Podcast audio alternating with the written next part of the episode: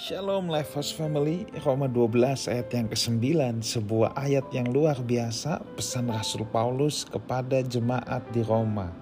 Hendaklah kasih itu jangan pura-pura, jauhi yang jahat dan lakukan yang baik. Ini menarik saudara. Hendaklah kasih itu jangan pura-pura. Rupanya banyak orang yang berbuat kasih itu dengan pura-pura apa itu kasih yang pura-pura? Kasih yang pura-pura adalah kasih yang dilakukan dengan pamrih. Ada udang di balik bakwan ya. Apa yang dia lakukan dia mau take it for granted.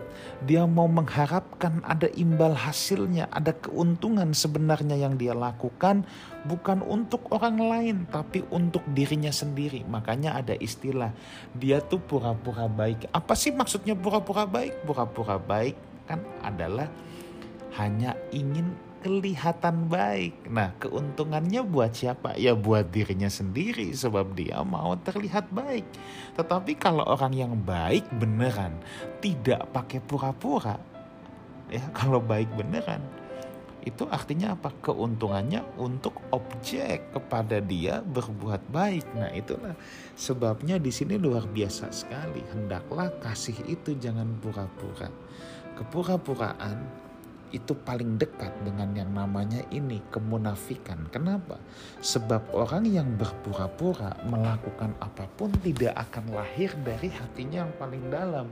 Orang yang berpura-pura selalu hanya ada di tataran kosmetik saja, hanya ada di tataran luarnya saja, tetapi bukan ada di tataran dalamnya hanya ketulusan yang bisa lahir dari dalam yang namanya kepura-puraan itu pasti sesuatu yang di make up, sesuatu yang hanya dibuat-buat saja dan biasanya itu sifatnya sangat-sangat sangat temporal.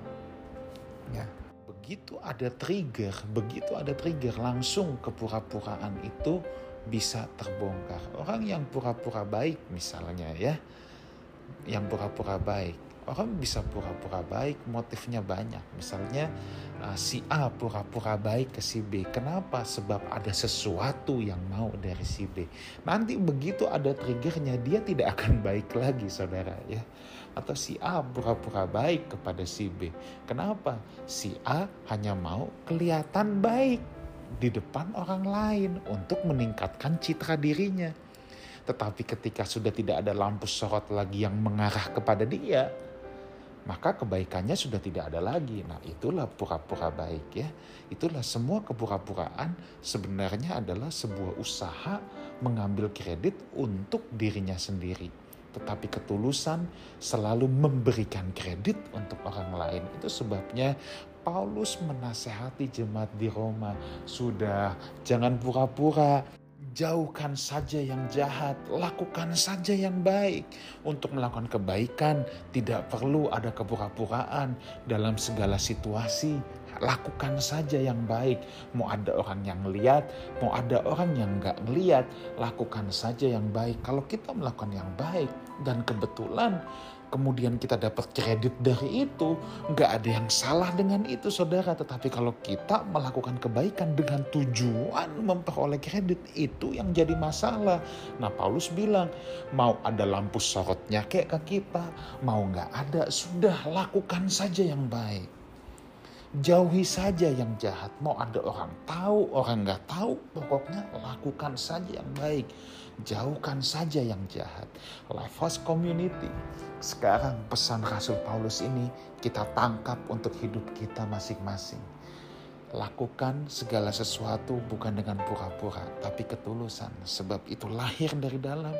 Dan yuk kita sama-sama jauhkan yang jahat, lakukan yang baik. Dalam segala keadaan, dalam segala kondisi, segala tempat, segala situasi, segala waktu, lakukan saja yang baik. Terserah mau orang lihat atau enggak, orang tahu atau enggak, apakah lampu sorot sedang terarah sama kita atau tidak, lakukan saja yang baik, jauhkan yang jahat. Tuhan Yesus menyertai kita semua. Haleluya.